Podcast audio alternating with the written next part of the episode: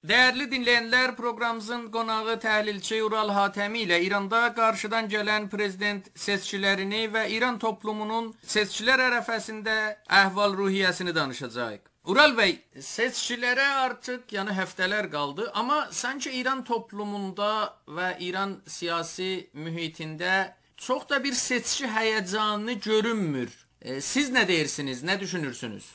Dediyinizə qatılıram Əlizə bəy. Bundan qabaqki seçkilərə baxdığımız zaman ən azı 3-4 seçkiyə bugünkü bu həyəcansızlıq, ümidsizlik e, daha çox diqqət çəkir. Bu həyəcansızlığı və ya bu deyək ki, bu ümidsizliyi e, seçkilərə görə e, əgər istəyək doğru düzgün təhlil eləyək, təbii ki, ehtiyac vardır ki, o ölkə içində meydani və ya sahədə bir sıra araşdırmalar aparılsın. Buna imkan yoxdur. Ancaq hökumətin özünə bağlı bir sıra e, mərkəzlərin apardığı bir sıra araşdırmaların e, sonuçları vardı ortada ki, bunlar internetdə də vardı, yayınlanıbdı. Bu hökumətə bağlı bu mərkəzlərin verdiyi mərkəzlərin yayınladığı nəticələr də elə bunu göstərir ki, e, xalqın arasında çox böyük bir ümidsizlik var seçkilər üçün. Hətta İran radio televizyonunun verdiyi bir proqramda 32 e, %32 kimi bir rəqəm verirlər qatılım üçün. Başqa mərkəzlərin və ya deyək ki, xəbər ajanslarının verdiyi rəqəmlər və o, o %40 deyənlər vardı, %50 deyənlər vardı, hətta bunun azı e, deyənlər vardı. Əlbəttə bunun bu araşdırmaların fərqli şey dəyişkənləri vardı. Yəni e, mütləq qatıla qatılmaq istəyənlər, e, hələ qərar verməyənlər, mütləq qatılmaq istəməyənlər, E, kimi 4-5 e, faktor və ya 4-5 cavabı nəzərdə tutub da e, bu araşdırmanı aparıblar. Ancaq hamısına baxdığımız zaman ciddi bir ümidsizlik vardı və insanların sandıq başına gedib rəy vermələri, yəni çox azalıbdı bu statistika. Ural bəy, siz yəni əslində İran üçün belə indiki bu durğunluq deyək, ya həyəcansızlıq deyək, İran üçün belə bunu biraz fərqli bir durum olaraq görürsünüz. Yeni bir durum kimi görürsünüz. Bəli, təbiətən elədir. Ural bəy, Məmməd Cavad Zərifin o səsinin, səs failinin sızdırılması, ondan sonra fərqli münasibətlər, o cümlədən Seyid Əli Xameneyinin münasibəti ki, orada açıqca bir göstəriş də verir. Deyir, mən tələb edirəm o Nigahban Şurasından ya e, Konstitusiyanı Qoruma Şurasından ki, onlar rədd edə bilir və ya təsdiqləyir namizədliyi, o namizədliyini irəli sürənləri. Yəni açıqca öz rolunu da e, gizlətmir. Onun haqqında nə deyirsiniz? Yəni həm burada bir göstəriş vermə var, həm də bunu gizlətmir İranın dini lideri. Mənə görə Ay Xameneyinin iki davranış şəklini analiz eləyə bilərik. Bu e, gerçək siyasətdə o ki danışıqlarda deyil. Gerçək apardığı siyasətlərdə bir şəkildə e, hərəkət eləyir, bir şəkildə davranır. Ancaq tribun e, mikrofonla keçdiyi zaman, danışdığı zaman bir fərqli bir şəkildə danışır. E, mikrofona keçdiyi zaman daha radikal, daha e, şeylər, yəni e, ağır danışır. E, ancaq gerçək siyasətdə biz görürük ki, belə deyil. Yeri gəldiyində bəzi şeylərdə e, geriyə addım at atda atmaları da var. Hətta bu gün reformçularla, islahatçılarla belə gerçək siyasətdə bunun e, iş birliyini bilirik. Bunu həm e, təhrim məsələlərində ya, ya ambargo məsələlərində də gördük. Bunu e, bununla bu son dövlətin e, nükleer nüvə o anlaşmalarında da gördük. Yəni Xameneyə bağlı bu dövlət qurumları ki, sizdə dediyiniz kimi Şurayı Nigahban və ya Konstitusiya qoruma qurumu Xameneyinin müstəqim doğrudan kontrolü olduğu bir qurumdur. Yəni elə bu, sizinlə bu dediyinizə görə, yəni bunu illaki bir video mesajla deyil, elə onlara göstəriş də verə bilər. Hər kəs açıq bir şəkildə deməsinə də gərək yoxdur, elə deyilmi? Elədir. Yəni bu orada o oradakı siyasi gerçək, yəni siyasətin gerçəklərinin içində bunlar hamısı bir-birini bilirlər. Ancaq o danışıqların hədəfi kimlərdir? İrandakı xalqlardır, İran xalqıdır və eşikdə e, beynəlmiləl siyasətdə bunu e, e, qulaq asmaq istəyənlərdir. Bu e, şeydə e, yəni Xameneyinin gerçək siyasətdə baxdığımız zaman Xameneyinə Xameneyiyə qarşı çıxan ona e, müxalifət olan heç bir şey yoxdur. Yəni Xameneyi istədiyi hər şeyi ölkədə eləyir. Bu gün e, e, korona virusunun vaksininin hardan gələcəyindən tutun, necə gələcəyindən tutun, ölkənin iqtisadiyyatına qədər, ölkənin e, e, əskəri məsələlərinə qədər hər şeyin qərarını Xameneyi verir ölkədə. Yəni e, seçkilərdə də eyni şəkildədir. Yəni mən belə düşünmürəm ki, be, be, sabah kandid olaraq millətə sunulacaq olan insanlar Xameneyinin nəzəri alınmadan veriləcək. Xameneyi bunların yəni fərqli filtrlərdən keçib Xameneyiyə gedən adlardır və Xameneyi onların içindən seçəcəkdir tək bir nəfər seçməsə də bir iki nəfər seçib xalqa deyəcək ki, bunların içindən seçin deyəcək. Yəni İran demokratiyası dediyimiz şey və ya bunların özlərinin dediyi dini demokratiyası, mərdum salari dini dediyi şey budur. Yəni e, Vəli Fəqih dediyi Xameneyinin e, bu fərqli qurumlardakı filtrdirlər hər biri. O filtrlərdən keçir və ən son filtrdə Xameneyinin özüdür. Yəni e, son sözü o deyir və bunun da bilinməsini istəyir. Təbii ki bunu e, gərçi bəzən danışıqlarında demokrasiyadan danışır, xalqın seçdiyindən danışır, dünyada ən yaxşı demokrasiya olduğunu deyir, amma yenə açıq bir şəkildə belə olmadığını biz görürük. Bunun üçün baxınız, keçən e, bir neçə gün içərisində bu konstitusiyanı qoruma bu qurumunun bir layihə çıxartdı və o layihədə e, gətdi bir sıra, e, yəni seçkilərə bir neçə vaxt çox az zaman qala Gətdi bu layihədə bir sıra e, məhdudiyyətlər gətirdi kandidlərə, namizədlərə. Və hər kəs bunu deyir, yəni sənin layihə çıxartma haqqın yoxdur. Layihə və ya qanun dediyin şey məclisdən çıxar. Dünyanın heç bir yerində belə bir məsələ yoxdur. Qanunu məclis yazar, parlament yazar.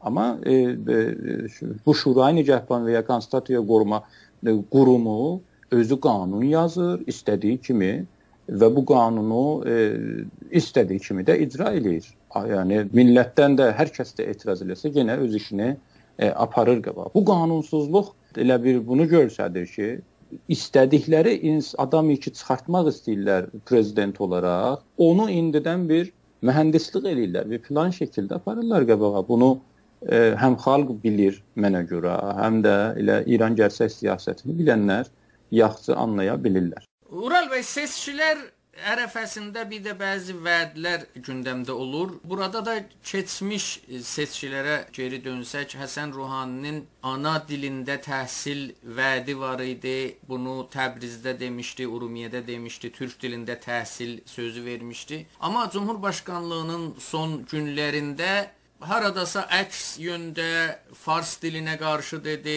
qərəzli hərəkətlər var, bunlara diqqət etmək lazımdır dedi. O ona nə deyirsiniz? Yəni ilk günlərlə son günlərdəki sözlərinin fərqini və buradan bir bundan sonrakı seçkilərə o, o, onunla bir əlaqəsi varmı? Bu danışıqlar Ruhaninin bu sözü ki, gətirdi müəllimlər günü münasibətilə İranda rəsmi dil, milli dil və məhəlli dil, yəni yerel dil məsələsini ayırdı.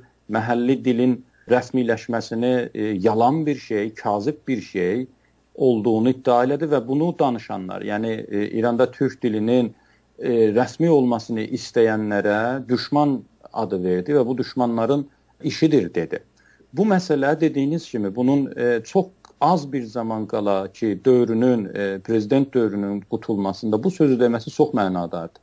Bunu deməsi ilə əvvələn bu ki, gələcək seçkilərdə bunun himayət eləyəcəyi hər kim varsa, bunu bir şəkildə bir mesaj idi e, xalqa və ya o e, mərkəziyyətçi, e, İrançı və ya paniranist qruplara ki, e, baxmayaraq ki, mən 4 il qabaq, 8 il qabaq sözləri dedim, mənim əsas düşüncəm budur demək istədim.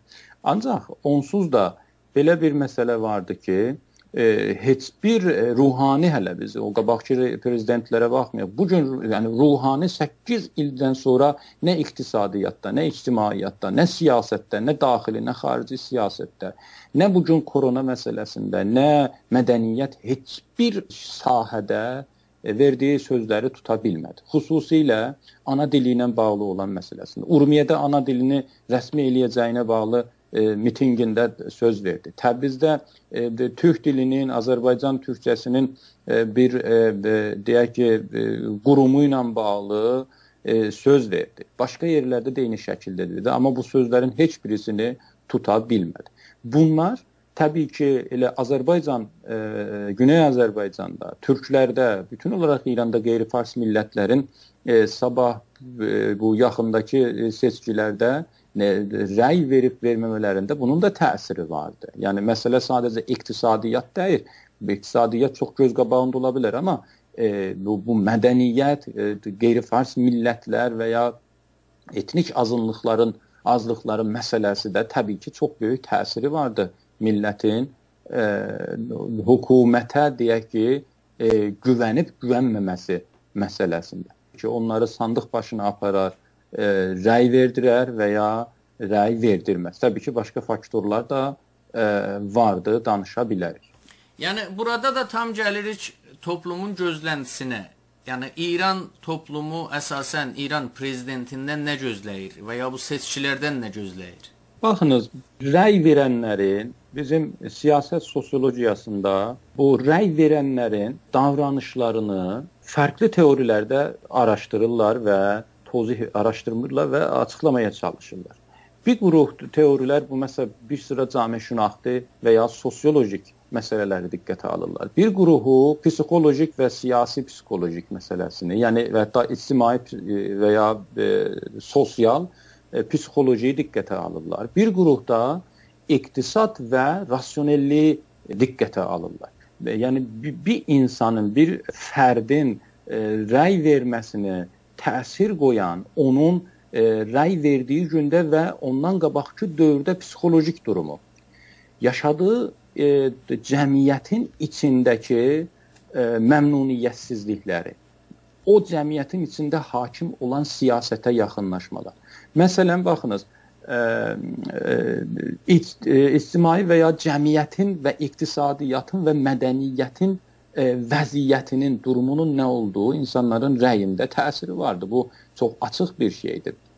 Və ya deyək ki, insanların yaşadığı ictimai və ya e, sosial təbəqə e, çox e, təsiri vardı bu bu bu şeydə. Ona görə e, əgər istəyək daha detallı və elmi bir təhlil verək, bütün bunları e, diqqətə almamız lazımdır və bunlar bu bu faktorları, bu dəyişkənləri nəzərdə tutub da İran toplumunu, İran cəmiyyətini analiz eləməmiz lazım. Ancaq bütün olaraq baxdığımız zaman e, bu günə qədər keçmiş seçkilərdə e, verilən sözlər əksərən tutulmadı. Çoxluqla hamısı e, ayaqlandı, yəni hər kəs yəni ruhani daxil, ondan qabaqki Əhmədinəcad daxil, hamısı şeylə. Amma bir dənə belə bir şey var. E, bir cəmiyyətin bir bölümü vardı ki, hər zaman bütün seçkilərdə qatılarlar. Bunlar e, hüküm hökumətə e, deyək ki, dəstək çıxan, hökumətin e, bir şəkildə sofrasından yeyən, hökumətə bağlı bir kəsimdir. Bu cəmiyyətin yüzdə neçəsini təşkil verir.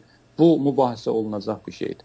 Ancaq son illərdə biz bilirik ki, İranda iqtisadi böhran nəticəsində orta təbəqə e, daralıbdır, orta təbəqə kiçilibdir. Yəni daha bir daha çox bir e, e, alt təbəqə ilə üz-üzəyik. Cəmiyyətin əksəriyyəti artıq bir kasıb və yoxsul e, təbəqədəndir. Bu kasıb və yoxsul təbəqənin ki, milyonlar e, bəlkə də seç bu e, seçkilərə qatılacaq olan insanların %50-sindən çoxudur, %60-ı, 70-ini təşkil verir. Bunların davranışlarını ki, təhlil etmək lazım. Bunların davranışları iqtisadiyyatdan daha çox təsir alır. Bunların davranışları dövlət nə qədər də istəyə məsələnin siyasi azadlıq kimi məsələlərlə və ya bu xarici siyasətdəki gedişatla istəyə təsir altında qoya, ancaq iqtisadiyyat bunlarda çox böyük bir rol oynayır. Yəni çox da əqlani ola bilər bu məsələ. Yəni iqtisadi vəziyyətlə əqlani e, seçkilərə əqlani qatılmaq və ya rasionel qatılmaq e, bir-biri ilə e, e, e, əlaqəli şeylərdir. Yəni bunu demək istəyirəm. Biz əgər istəyək elmi və e, sağlam bir nəzər verək bu məsələdə, e, o cəmiyyətin içində daha dərin e, araşdırmalar aparmalıyıq. Ancaq uzaqdan görünən budur ki, e, qatılım, e, rəy verənin sayısı çox az olacaqdır bunların bir qismi orta təbəqə siyasi azadlıqların olmadığından, yəni demokratik məsələlərdən qaynaqlanır. Alt təbəqə iqtisadiyyatın vəziyyətinin pis olduğundan qaynaqlanır. Üst təbəqənin də zaten ki, hər onsuz da hər zaman onların çoxu e, seçkilərə qatılmır. Yəni toplumun o daha zəngin olan kəsimi bunlar çox siyasətlə açıq bir şəkildə e, o biri təbəqələrdə olduğu kimi e, əlaqələrini şey tutmurlar. Yəni uzaq durmaya çalışırlar. Çünki onlar üçün ayaqda qalmaq, iqtisadi olaraq ayaqda qalmaq mənfəətləri, çıxarları daha əhəmiyyətlidir.